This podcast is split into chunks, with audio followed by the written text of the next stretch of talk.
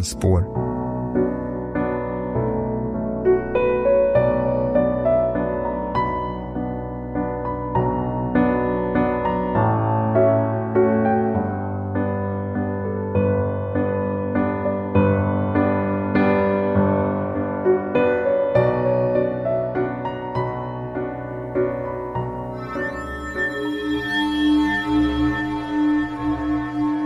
Flygplanshjulen dunsar ner på landningsbanan på Kinshasas internationella flygplats en av de sista dagarna i augusti. I tre månader har vi väntat på att få visum. Det har varit oräkneliga besök på Kongo-Kinshasas ambassad på Lidingö. Papper att skriva under och pengar att betala. Visumavgift, multipla inreseavgift, journalistavgift och ackrediteringsavgift. Sammanlagt över 11 000 kronor. Jag har tillbringat en sömnlös flygplansnatt med att läsa igenom den hemliga med blixtsnabbt läckta FN-rapporten om morden. Vid sidan av kongolesiska myndigheter utreds brotten också av svensk och amerikansk polis. Men utan samarbete med Kongo har båda utredningarna i praktiken snabbt kört fast. Inte heller FN-utredningen, ledd av en pensionerad amerikansk diplomat, kommer särskilt långt. Det konstateras att experterna bestämdes för att resa till Bunkonde så sent som den 11 mars efter att ha mött en grupp män som påstod sig tillhöra milisen. De stoppades dagen därpå nära byn Moyomusuila efter att milisen beskjutit dem och skadat en av chaufförerna. Någon exakt, eller ens ungefärlig, tidpunkt för morden slås aldrig fast. Trots det är slutsatserna förvånansvärt långt dragna. Man skriver att milisen antagligen gjorde det. Att FNs respons, inklusive den sena sökinsatsen, varit bra och även om man uppger att experternas agerande inte orsakade morden är det tydligt att en stor del av skulden ändå läggs på de döda.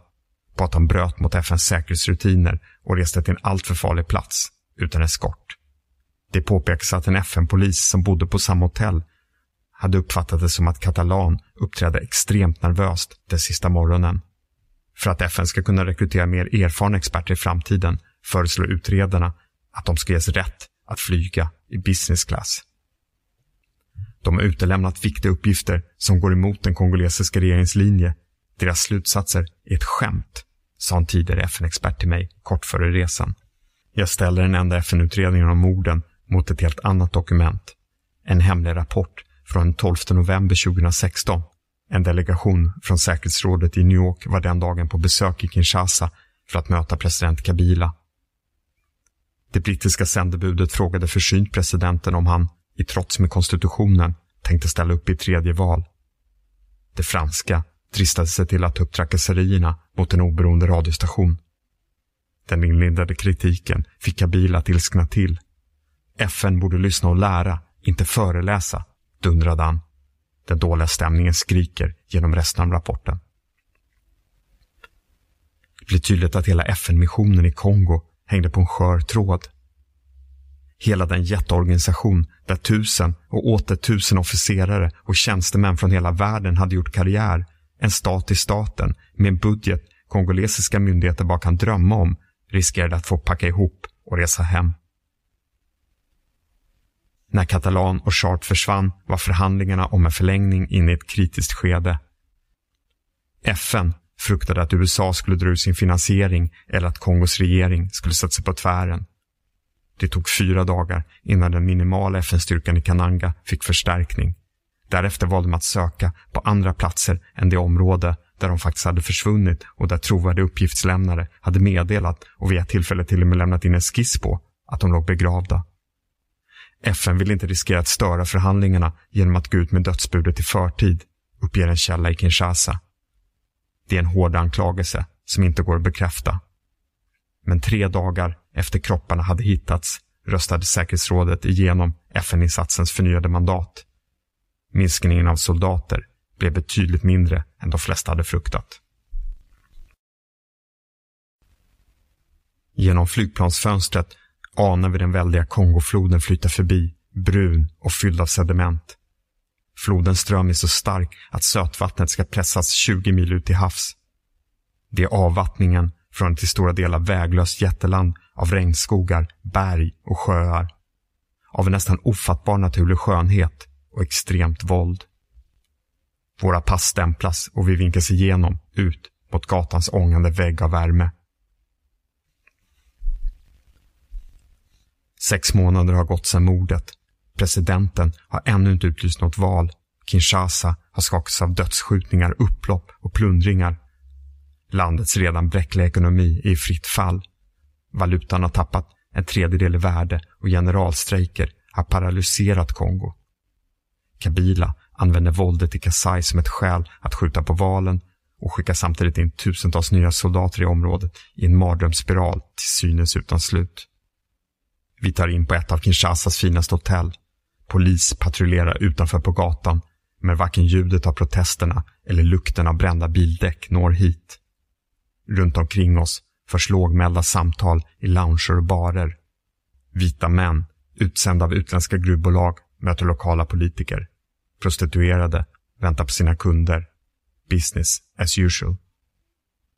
Även Saida Catalan stämde möte med sina källor här.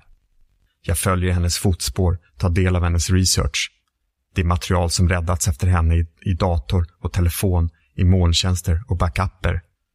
Anteckningar, artiklar, intervjuer och protokoll. Telefonnumren till männen, alltid män, som riskerade sanktioner. Saida Catalan är död, men blir min viktigaste källa och hjälp. Några namn återkommer ständigt. Det är personer som hon hade telefonkontakt eller möte med de sista veckorna och dagarna.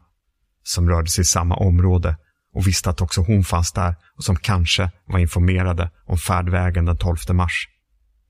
Där finns de höga militärerna, befäl som tidigare stridit i östra Kongo och nu hastigt flyttats till den nya konfliktzonen i Kasai.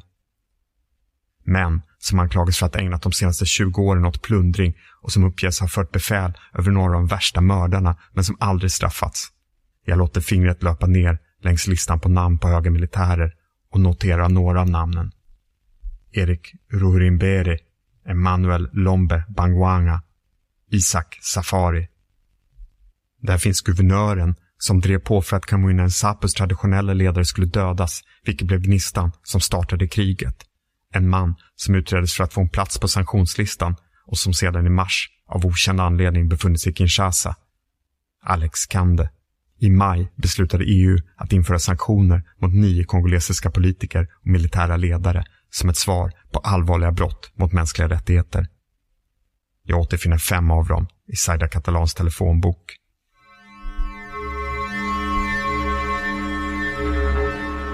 Vi vill resa vidare till staden Kananga, utgångspunkten för Saida Catalans sista resa.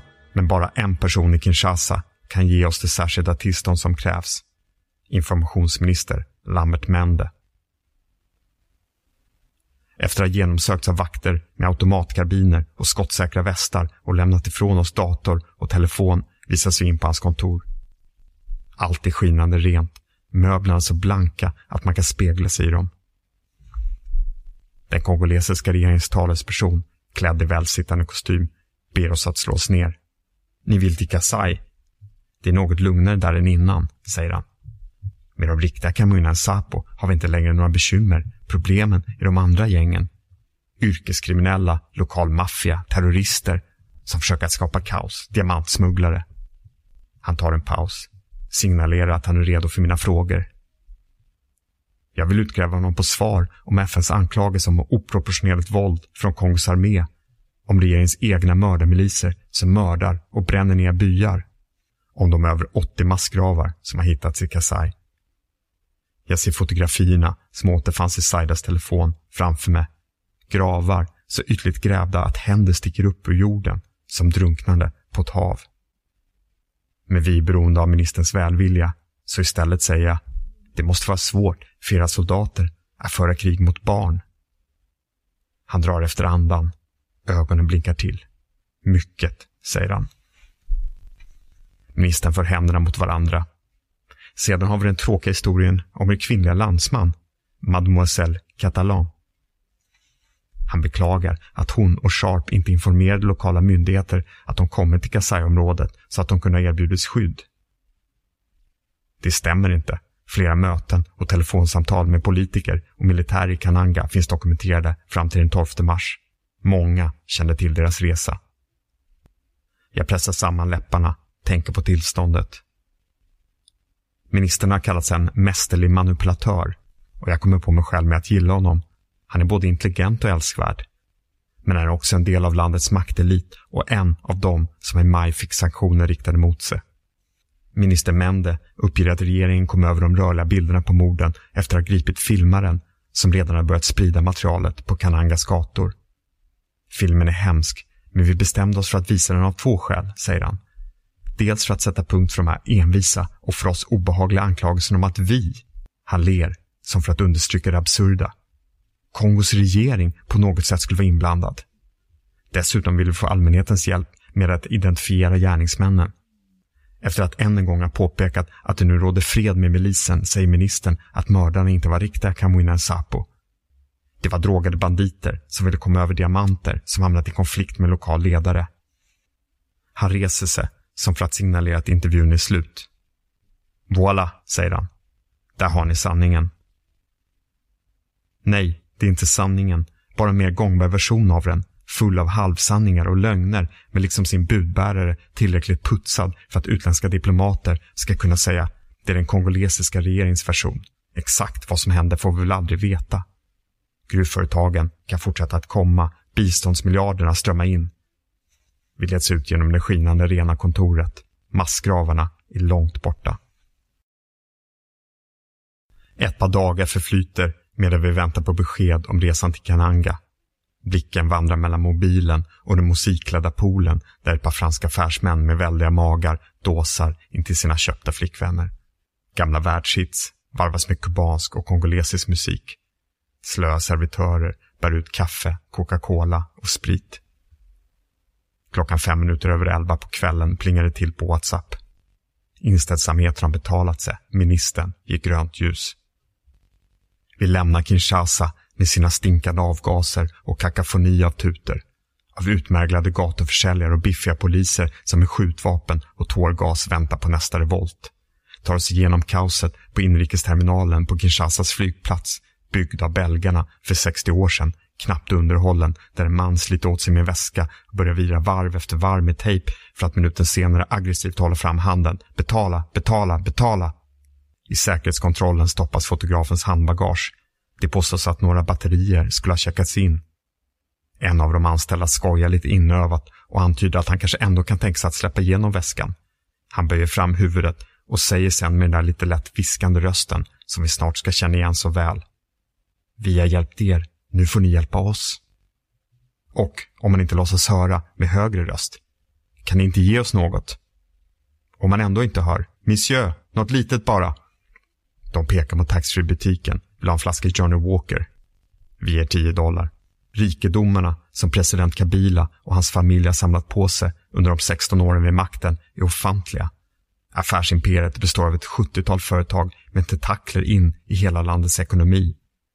Enligt Congo Research Group i New York har familjens företag genererat hundratals miljoner dollar vinst sedan Kabila kom till makten. Landet plundras, så som diktatorn Mobutu plundrade före honom och belgarna dessförinnan. Kongos fotbollslandslag har tagit vårt flygplan och rest till Tunisien. Ersättningsplanet blev sju timmar försenat. En regeringsdelegation framför oss dricker Laurent Perrier champagne importerad från Frankrike medan solen går ner över deras fattiga landsmän 10 000 meter ner. Jag följer floders konturer, ser eldar tändas i skymningen som de gjort i hundratusentals år. Vägar som blir stigar för att försvinna ut i ingenting. Här slutar spåren av Zaida Catalan. Miljontals kongoleser har dött i konflikter under de senaste 20 åren. Det handlar om osynliga krig utan flygplan och artilleri och andra moderna vapen i byar dit inga journalister eller hjälparbetare når. Det finns de som påstår att det vilar naturens förbannelse över Kongo. Att landet helt enkelt är för rikt. Varje gång världen har behövt råvaror har man funnit dem här och varje gång har det mänskliga priset blivit fasansfullt högt. Från elfenben och gummi på kung Leopolds tid till timmer, koppar och zink, olja, gas och uran, tenn, guld och diamanter och koltan som idag sitter i varenda mobiltelefon. Smart ny teknik i väst. Förstörd natur, massmord, våldtäkter och brända byar här. Kongoleser som dukar under i de helvetiska dagbrotten utan att ha någonsin hållit en iPhone i sin hand. Nu ökar efterfrågan explosionsartat på kobolt som behövs i elbilarnas batterier. Världens största tillgångar finns i Kongo och dödandet har redan börjat i elbilsboomens spår. Vi har kommit till Kananga för att arbeta som journalister men kommer inom ett par timmar att sättas i husarrest. Redan på flygplatsen konstateras det att vi saknar ett viktigt dokument. Efter en stunds väntan på flygplatsens poliskontor beordras vi att följa med tre unga män. Bilen, den enda som går att få tag på, måste rullas igång. Inga andra fordon ute. Klockan är åtta på kvällen och det är kolsvart. Två ensamma strålkastare lyser upp vår väg. Någon bultar på en port och en man i 50-årsåldern som tycks vara polischef kommer ut. Han ber oss att sätta oss på varsin plaststol och börja tala med de unga männen på det lokala språket. Enstaka blixtar, utan efterföljande åska, gör att vi för korta ögonblick kan ana hans ansikte, den kantiga hakan och blanka pannan. Ögonen, som till skillnad från munnen, inte ler. Är ni här för att skriva om experterna? Jag ska hjälpa er, säger han. Kom tillbaka imorgon så ska jag skriva på ett papper som ger er tillstånd att jobba här. Vi tackar och reser oss. Men tolken för oss åt sidan. Vi måste ge något för att försäkra oss om hans fortsatta välvilja. Jag gräver i fickan, lyser med telefonen och får upp tre 20 dollar sedlar. Inom loppet av en sekund är de nere i mannens ficka. Chefens namn. Innocent Gebali Tangamoma. Vi får höra att han är chef för Direction Générale de Migration i Kananga. Landets gränskontroll, som i praktiken är den viktigaste grenen av säkerhetstjänsten i Kasai och en myndighet som vi snart ska lära känna bättre. Hotellet kostar 120 dollar natten. Det kunde varit rimligt om kranen i handfatet inte varit lös, AC-aggregatet inte hängt ner från väggen i sina sladdar, om kaklet inte varit sprucket, tvålpumpen tom och kackerlackorna sprungit både under och över sängen. Jag tappar en porslinstallrik i golvet, blir utskälld och får betala för två. Men inget av det där spelar någon roll. Irritationen jag känner handlar om något annat. Vår situation. Det faktum att det sitter två unga män från gränspolisen Direction Générale de Migration i receptionen med en enda uppgift. Att se till så att vi inte lämnar hotellet. En tonårspojke som besökt hotellets restaurang för att titta på fotbollslandslagets match knackar på dörren till mitt rum, ber att få stiga in och stänger noga bakom sig. Ni får inte tro på myndigheterna, säger han. Det är regeringen som har skapat miliserna här. Guvernören har låtit det ske. Han vill skapa kaos för att få ett skäl att stärka sin makt. Pojken berättar hur säkerhetstjänsten kom till hans stadsdel i Kananga och gick från hus till hus i jakten på milismedlemmar. Det var i slutet av mars, bara någon dag efter att FN-experternas kroppar hade hittats. Ni kan inte ana hur många de sköt, säger han. Vuxna och barn, gamlingar, folk låg döda i sina sängar, det var kroppar överallt. Jag såg det med egna ögon. Under våren bildades en ny milis, Banamura, som enligt FN beväpnats av kongolesiska myndigheter för att angripa Kamuina Nsapu. Hela byar har bränts ner. FN har funnit småbarn med avhuggna armar och ben och gravida med sina livmödrar uppskurna. Våldet från krigets olika parter har passerat alla gränser. Pojken på hotellet stirrar på mig. Vi är livrädda, säger han. I bakgrunden hörs ett besviket vrål från männen på restaurangen. Landslaget, som tog vårt plan, förlorade mot Tunisien. Jag läser vidare i Saida Catalans anteckningar, ser hur hon, liksom jag, har svårt att hålla männen och deras lojaliteter och drivkrafter isär. Komplexiteten ökar, maktspelet djupnar. Saida Catalan kom till en konfliktzon där gränsen mellan de olika sidorna blivit allt mer suddig. Här fanns högt uppsatta politiker som i hemlighet stödde milisen och milismän som var betalda av regeringen. Skälet till att hon och Sharp ville resa till Bonkonde var att de hade fått höra att det fanns ett stort läger med barnsoldater där under sitt tidigare besök i januari. Men det Kasai de återvände till har på ett avgörande sätt förändrats. Den 12 mars, Catalans och Sharps sista dag i livet, lyckades inrikesministern komma överens med familjen till den döde ledaren som bar namnet Kamuinen Sapo om att lägga ner vapnen. En ny ledare, vänligt sinnad till regeringen, installerades. I praktiken hade uppgörelsen redan börjat träda i kraft när FN-experterna gav sig av. Milisen var splittrad. En del samarbetade med regeringen och en annan fortsatte att attackera den. Även om våldet fortsatte blev följderna av avtalet långtgående. Milismän och bybor rörde sig plötsligt mellan byarna. Regeringsföreträdare dök upp i tidigare miliskontrollerade områden. Byn Bunkonde, dit Saida och Michael skulle resa, togs över av den kongolesiska armén. Spelplanen var förändrad. Jag stötte på tre parlamentsledamöter från Kasai som även om de på pappret tillhör oppositionen har goda kontakter med såväl regering som milis. Alla tre blev politiskt värdefulla när milisen Kamuinen Sapo skulle kuvas. Också deras namn noterar jag. Clement Kanku, Daniel Mbey, Martin Kabuya.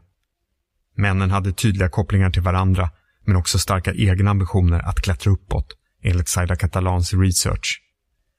Mäktigast var Kanko som tagits in i regeringen som utvecklingsminister trots att han i en hemlig ljudinspelning från augusti 2016 tycktes jubla över att milisen bränt en regeringsbyggnad. Inspelningen återfinns i Saida Catalans dator tillsammans med ett stort antal dokument om ministern.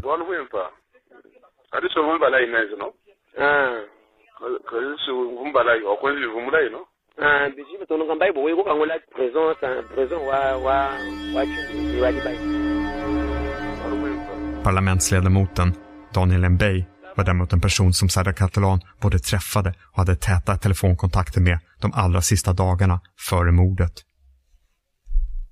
Och den tredje mannen, Martin Kabuya, drömde om att återvända till Kasai som guvernör. På ett ställe har Saida Catalan ritat ett diagram med cirklar och pilar för att skapa sig en bild av den pågående maktkampen. Intill har hon skrivit Kabuya arg på Kanko. Inget om vad ilskan grundade sig i, inget om vilken betydelse det skulle ha för det våld hon hade uppgift att granska. Bara de här kryptiska orden. Kabuya, arg på Kanko. Jag vänder och vrider på materialet, känner hur jag sjunker djupare ner i intrigerna, slukar dokument efter dokument i hennes kvarlämnade material för att till slut stirra in i en anteckning som hon gjort. Det finns alldeles för många kopplingar mellan händelserna i Kinshasa och Kananga. Jag väcks före klockan sju på morgonen av ett bankande på dörren. Hett vatten i hink, pappa! Det har varit skottlossning under natten, bara någon kilometer bort. Freden är ännu inte vunnen, inget är vunnet. Men nu är det söndag och hela stan är på väg till kyrkan och före dess måste var och en tvätta sig. Två små tillfälligheter i forskaren och aktivisten Anna Claire Chimbalongos liv hade kunnat gjort att den här historien aldrig behövt skrivas. I årtionden har han arbetat med mänskliga rättigheter och fredlig konfliktlösning i Kasai-området med stöd från bland annat utländska biståndsorganisationer.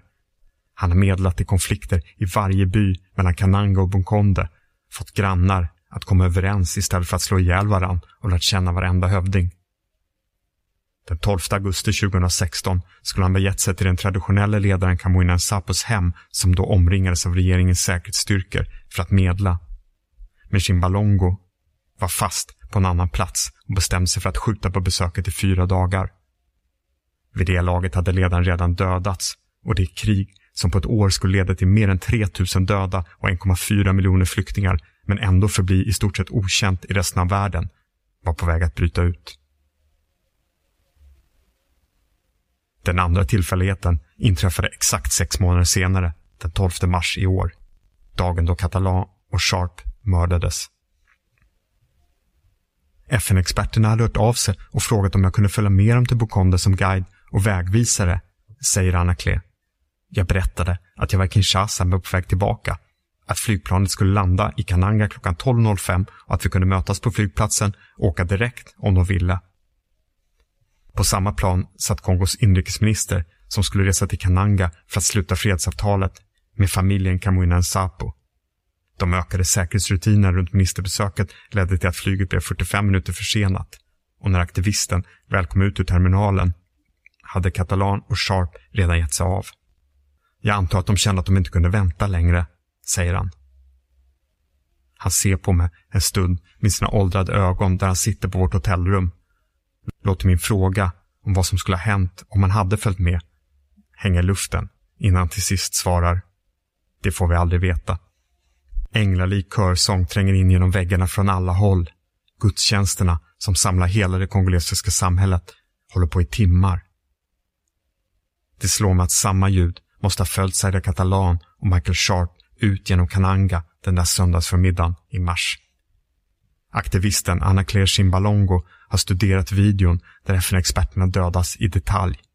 Han har reagerat på allt som inte stämmer, hur männen tilltalar sin gud på främmande språk, något som vore att förolämpa förfäderna.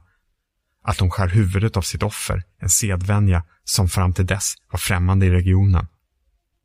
Männen på filmen är inga riktiga Camuinen Sapo, säger han. Jag frågar om det istället kan handla om banditer, som informationsministern påstår. Det finns inga banditer i de här byarna, säger han. Inget av värde att stjäla. Diamantgruvorna är långt borta. Den här filmen är ett montage. Jag frågar vad syftet i sådana fall skulle vara. Att mörka att den kongolesiska staten ligger bakom det här, säger han. Varför skulle staten ha mördat dem? Genom att visa hur hemsk milisen är kan de rättfärdiga sina egna övergrepp, säger han. Klockan är bara tio på förmiddagen, men luften är redan het. Skjortan klibbar fast mot huden. Det är den sista dagen före regnet, det första för säsongen, ska vräka ner och få hela staden att lukta lera. Vi rör oss under strikt bevakning genom Kanangas gator, tvärs över den överdimensionerade rondellen där Saida Catalan filmade sig själv, som utgör hjärtat av stan, som belgarna kallade Lulua Borg. Drar hemmabyggda kärr med ved, kvinnor bär enorma matpaket på sina huvuden. Stenhusen har vittrat sönder, murarna kluvits av växtlighetens kraft. Hade det inte varit för kriget och flyktingarna kunde man ha trott att hela staden lämnats kvar i en Törnrosasömn. Det går att ana en annan tid. En stolt järnvägsstad på linjen mellan gruvorna i Katanga och utskeppningshamnen i Elebo. Vita jeepar från FN, Röda Korset och Läkare Utan Gränser far förbi. Hjälpen från världen har kommit sedan Zaida Catalan var här. Ändå är den inte tillräcklig. Enligt Yvonne Edomo, som vi mötte på FNs kontor för humanitärt bistånd i Kinshasa, kommer bara var fjärde krona som han begärde för Kongo att betalas ut i år. Det är den lägsta finansieringen för något land på tio år. Han talade om konkurrensen från andra kriser. Centralafrikanska republiken, Sydsudan, Mali, Somalia, Syrien, Jemen och Irak. I tävlingen om att skrika högst på hjälp brukar ropen från Kongo förbli ohörda. Barn kommer att dö. Det är vad det betyder, sa han. Klockan på väggen, som av någon anledning har en cykel på urtavlan, har stannat. Den verkliga tiden tycks gå baklänges. Vi sitter på myndigheten Direction Générale de Migration för att få det papper vi utlovats för att kunna jobba. Men allt dröjer. Byråkraten bakom det låga skrivbordet arbetar plågsamt långsamt. Monsieur, sätt er ner. Han frågar efter mitt fulla namn, efter orten där jag föddes, efter byn, kvarteret, närmaste stad, provins, land. Han frågar om mitt yrke, om min fru och mina föräldrar och hur många barn jag har. Processen att hitta blocket, riva ur en sida, föra in blåkopian därunder, ta fram linjalen och dra en marginal i vänsterkanten tar flera minuter. Någon dator syns inte till. Mannens kindben sticker ut. Kongo, i landet där till och med statsanställda svälter. Monsieur, varför kom ni hit? Jag ser hans ögon bakom de spruckna, nedhasade läsglasögonen. Han har provat mitt tålamod till det yttersta, men det finns inget ont i dem, bara en vemodig insikt om livets prövning. Nitiskheten blir en sista värdig handling och en sista protest. Staten har inte betalat ut någon lön på månader och han vet att han snart kommer att vara tvungen att hålla ut handen och säga Monsieur, något litet bara.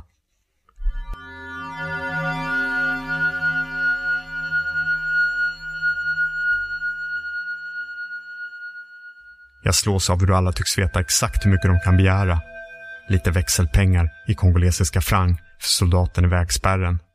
En femdollarsedel för den lägre tjänstemannen. 10, 20 eller 100 för hans chefer. Och för den yppersta eliten, pengar direkt in på utländska bankkonton. Gränspolischefen Innocent Ngbali Tangamoma, som vi träffade kvällen innan i mörkret, visar in oss på sitt chefsrum. Magen spänner under den svarta T-tröjan och den kortärmade kavajen. Vi vill tala med de fördrivna, samla vittnesmål om våldet som fortsätter att skaka Kasai.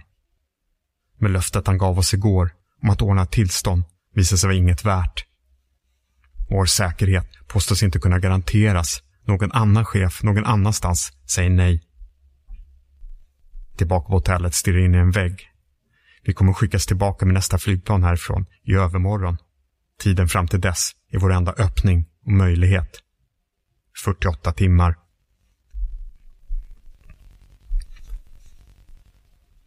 Vid utgången sitter våra fångvaktare. Vi ska senare få veta att den ena heter Christian och den andra Sebba. Vi köper läsk åt dem och sticker åt dem 10 dollar var. Det är en sista chansning. Och den fungerar. Bara 20 minuter senare sitter militäråklagare René Bulabula på en stol inne på vårt hotellrum. Utländska journalister, ingen vanlig syn här.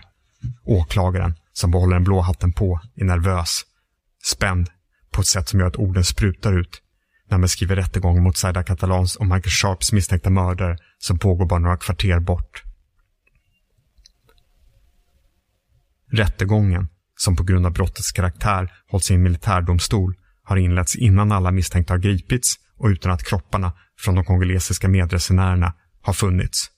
Till skillnad från regeringen i Kinshasa uppger åklagare Bula Bula att inte heller tolkens kropp har återfunnits. Åklagare Bula Bula står också fast vid att det är ledarna för Kamuina Nsapo i två närliggande byar, Moyo Musuila och Molumba Moteba, som har gett sina milismän order om morden och inte några drogade banditer.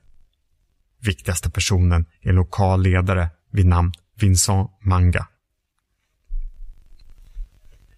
Inte heller siffrorna på antalet män som har åtalats stämmer överens med regeringens uppgifter. Militäråklagaren talar om tio, informationsministern om sju.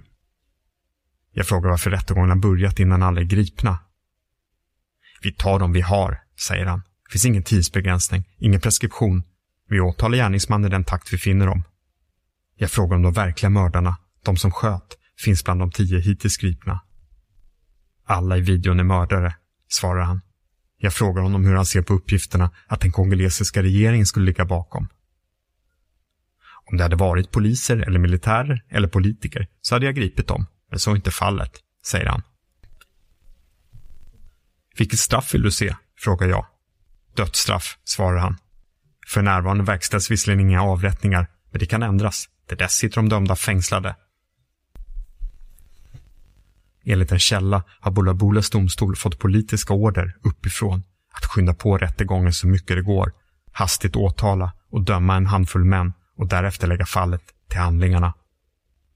Något åklagaren självklart förnekar. Processen går bra, kan du hälsa ditt land, säger han. Dessvärre saknar vi svenska ambassadörs närvaro på rättegången.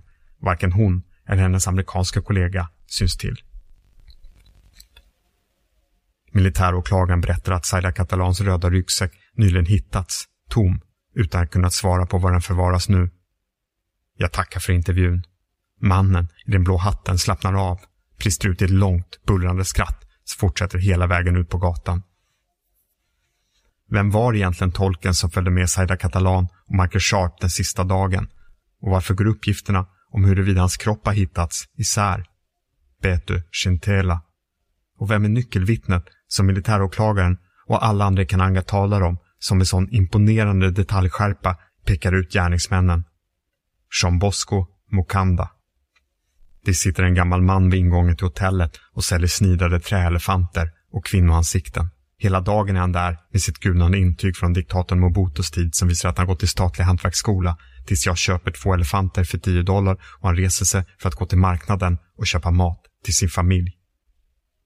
Vi är långt ifrån det nya Afrika som det talas om. Det Afrika som sägs krossa förlegade stereotyper och växa ekonomiskt så att det knakar. Här i Kongo väntas inget av FNs utvecklingsmål nås. Människorna lever ovanpå guld, men svälter ihjäl. Eller våldtas, skjuts, hackas till döds.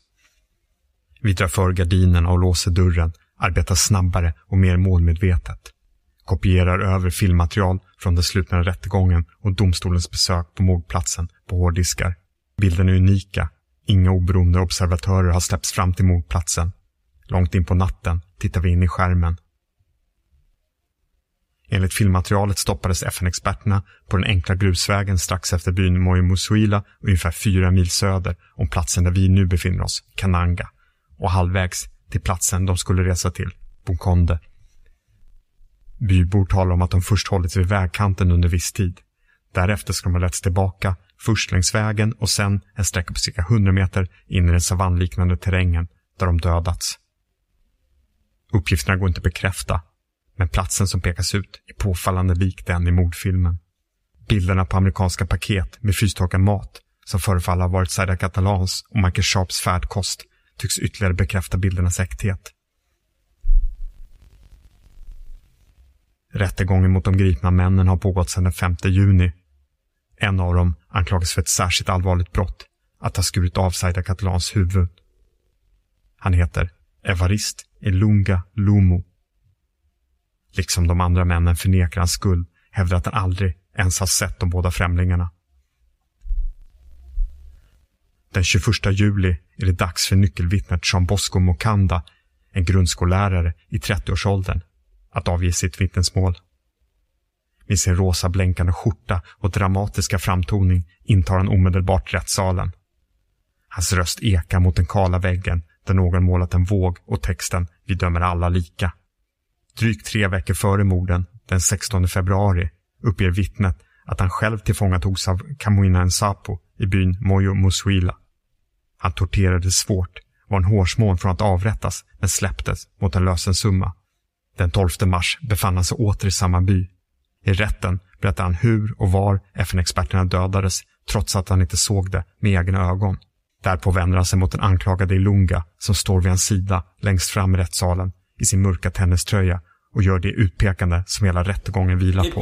la deuxième fois, c'est le jour où j'avais aperçu Monsieur Ilunga avec quelques parties, disons la tête d'une dame blanche qui était aussi assassinée ensemble avec jag lärde känna Monsieur Ilunga när jag själv kidnappades och fördes till platsen för halshuggning, säger han. Han sväljer, tittar åt vänster och höger innan han fortsätter. Den andra gången vi möttes var dagen då jag såg honom med huvudet av en vit kvinna som just hade avrättats tillsammans med en vit man och tre kongolesiska taxichaufförer. Vittnet tar en paus medan tolken översätter hans felfria franska för de åtalade. Den utpekade Lunga står med korslagda armar, kastar en blick bakåt, kanske mot sin mor som uppges ha gråtit oavbrutet och svimmat i rätten. Vittnet Mokanda förklarar därpå att han slog larm direkt efter att ha sett gärningsmannen med Saida Catalans huvud. Jag skickade ett sms till arméns befäl i Bonkonde och till journalisten José Mbuyi i Kananga och en journalist på Kasai Horizon, säger han. Jag sa vilken by jag var i, vad jag hade sett och att det nu var upp till dem att sprida informationen. Man kan tycka att kritiska frågor här skulle ha varit på sin plats, som hur det kommer sig att vittnet cyklade igenom den by där han mindre än en månad tidigare hade torterats och varit en hårsmån från att avrättas. Eller varför ingen av journalisterna som han kontaktade rapporterade nyheten. Millions of people have lost weight with personalized plans from Noom. Like Evan, who can't stand salads and still lost 50 pounds. Salads generally for most people are the easy button, right? For me, that wasn't an option. I never really was a salad guy. That's just not who I am. But Noom worked for me. Get your personalized plan today at Noom.com. Real Noom user compensated to provide their story. In four weeks, the typical Noom user can expect to lose one to two pounds per week. Individual results may vary.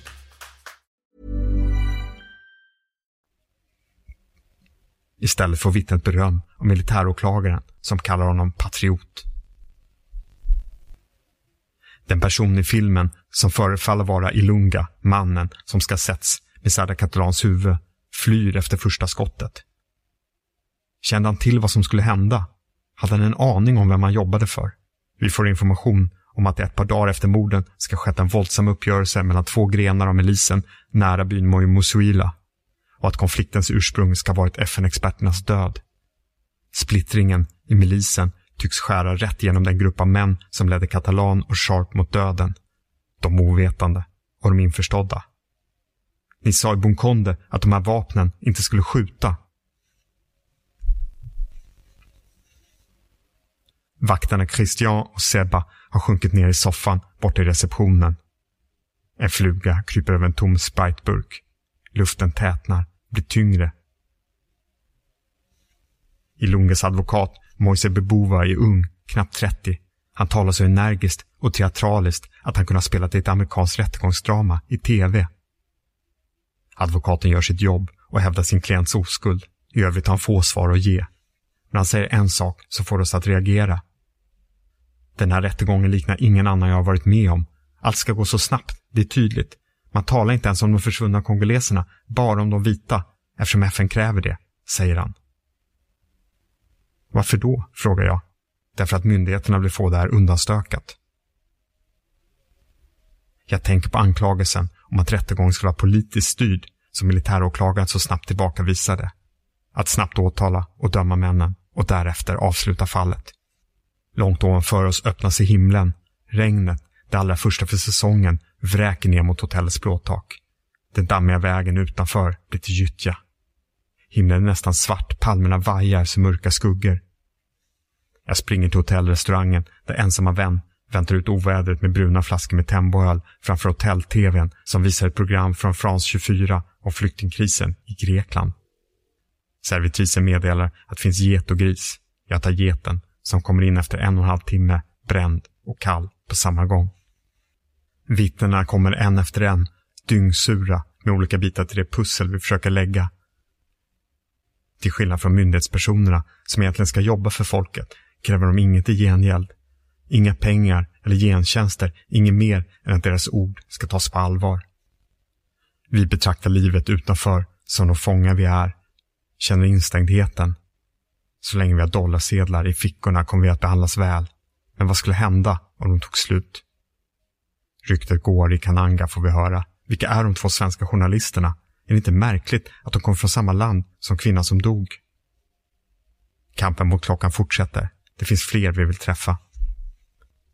Fortfarande ringer Jean-Pierre Kanyanga, 28 år, sin tre år yngre bror varje dag. Han ringer trots att han vet att signalen inte längre når fram. Han ringer för att han inte vet vad han annars skulle göra. Utan en kropp kan han inte acceptera myndigheternas tvärsäkra uppgifter om att hans lillebror är död. Egentligen var de bara kusiner, men Isak hade flyttat in hos familjen när han bara var fyra år och Jean-Pierre Kanyanga hade aldrig sett honom som något annat än en familjemedlem och en lillebror. Alla pengar som Isak tjänade på jobbet som taxichaufför la han undan. Målet var att börja på universitetet i Kananga nu i höst och bli jurist, precis som Saida Catalan. Överenskommelsen med ägaren till motorcykeln var hårt skriven. Måndag till fredag fick han köra gratis utan att tjäna en krona. Belöningen kom på helgen. Då fick han behålla hela förtjänsten. Den sista dagen sa han bara att han hade ett jobb att göra och att han inte kunde följa med oss andra till kyrkan, säger storebrodern. När resten av familjen återvände fick de höra av en grannkvinna att Isak hade kommit tillbaka till huset vid tiotiden för att hämta en tröja. Med sig hade han haft en vit man, Michael Sharp. Han har berättat för grannen om resan till Bogonde. Sagt att han visste att det var farligt, men att pengarna, mellan 50 och 100 dollar, var allt för bra för att han skulle kunna tacka nej. Klockan 11 på förmiddagen sågs Isak och den vite mannen när de var på väg mot Kanangas flygplats tillsammans med två andra motorcyklar, enligt ett vittne som familjen talat med. Därefter upphörde alla spår. En i vår familj är borta. Vi vet inte om vi ska gråta eller leta, säger storebrodern. De har lärt känna en av de två andra chaufförernas familj och går tillsammans till Monusco. Men den tredje chaufförens identitet har förblivit okänd. Det är märkligt. Kananga är ingen storstad och vi har verkligen letat, säger storebrodern. Även ägaren till Isaks motorcykel berättar för oss att han försökte identifiera den tredje motorcykelns ägare för att tillsammans kräva ersättning av FN. Inte heller han har haft framgång. En lokal journalist kontaktade Kanangas taxiförening som registrerar alla fordon. Samma resultat. Jag oroar mig alltid för att han jobbade för mycket, försökte säga åt honom att då och då vila en dag, men han ville spara allt för att få ett bättre liv, säger storebrodern. Till vilken nytta? Jag betraktar Facebook-bilden på Isak Kabuyi. En spinkig, pojkaktig kille. Kan han ha varit en del av en större konspiration? Eller blev han ett oavsiktligt offer av minsta möjliga betydelse? Vi får information om att ett vittne gjort intressanta observationer utanför Saida Catalans och Michael Sharps hotell efter mörkrets inbrott den 11 mars, FN-experternas sista kväll. Vi ringer honom, men han vågar inte tala direkt med journalister. Istället blir vi kontaktade av en andra person, en timme senare, som återger hans vittnesmål ord för ord. Det handlar om en av de politiker som vi tidigare har stött på, parlamentsledamoten Daniel M. Bay.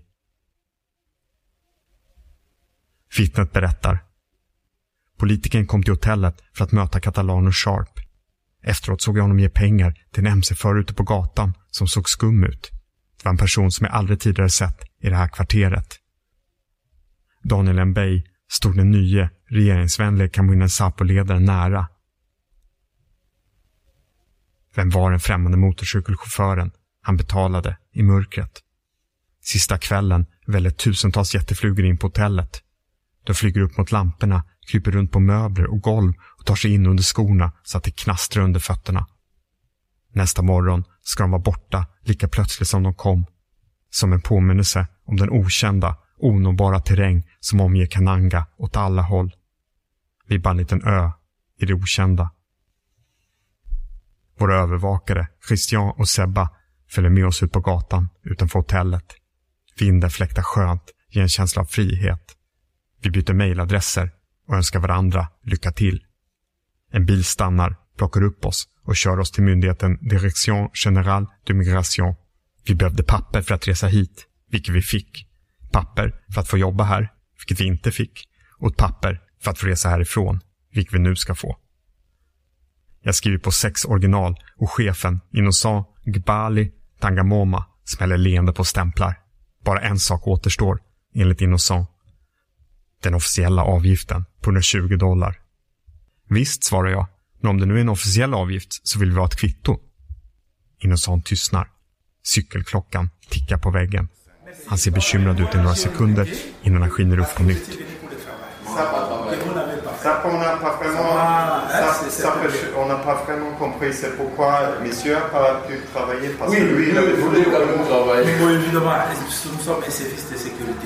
C'est sécurité Nous, nous sommes un cercle de sécurité. J'ai reçu les injonctions, on m'a dit, comme tu n'as pas vu les passeports physiques, donc il t'a dit de. Mais de lui, pas de moi. Justement. Vous êtes, mais vous, vous êtes deux. Vous ne pouvez pas travailler seul, ça ne Oui, oui, oui. Monsieur, jag gör det för hjälpa er, säger han. Den officiella avgiften är 300 dollars. Innan vi lämnar Kongo-Kinshasa finns det en sak att reda ut. Nyckelvittnet Mokanda uppgav i rätten att han skickade ett sms till journalisten José Mbuyi direkt efter mordet där han berättade att han hade sett en utpekad gärningsman med Zaida Catalans huvud. Ändå rapporterade journalistens radiostation, Radio Television Chrétien, inte ett ord om nyheten. Vi bestämmer en sista intervju för att fråga varför. Journalisten Mbuyi befinner sig sedan en tid i Kinshasa. I augusti gick beväpnade män in på hans redaktion i Kananga, slog sönder delar av inredningen och beslagtog sändningsutrustning. Attacken skedde kort efter att Mbuyis rapportering väckt borgmästarens ilska.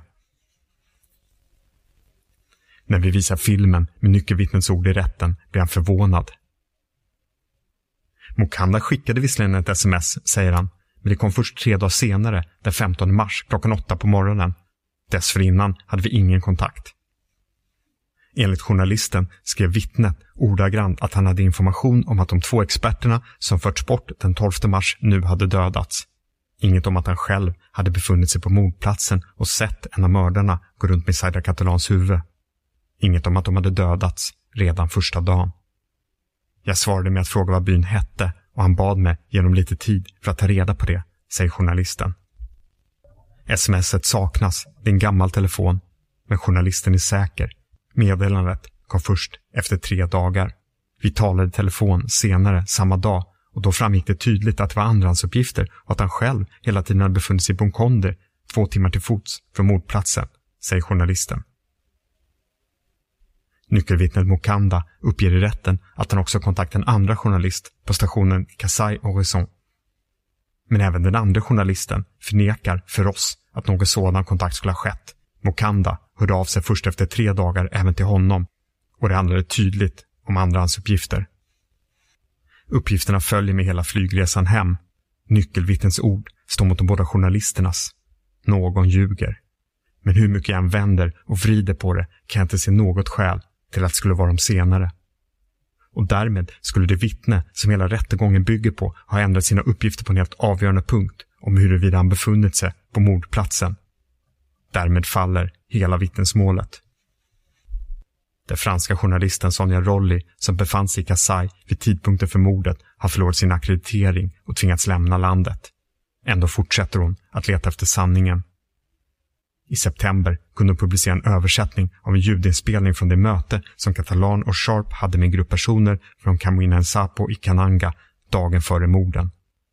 En inspelning FNs utredare nämner i sin rapport men av svårbegripliga skäl väljer att inte fästa någon vikt vid.